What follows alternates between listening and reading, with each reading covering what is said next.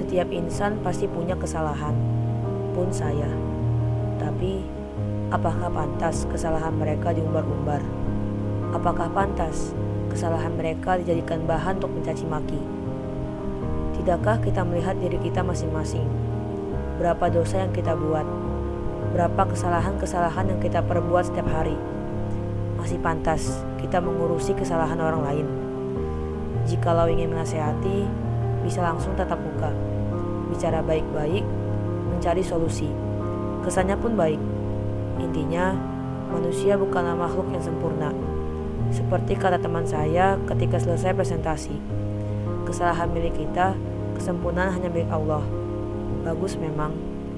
Satu kata yang menurut saya kunci dari setiap kesalahan, maaf.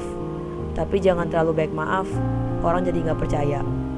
Udah ya, nggak usah ngerasa gelisah. Salah itu wajar kok, tergantung persepsi kamu.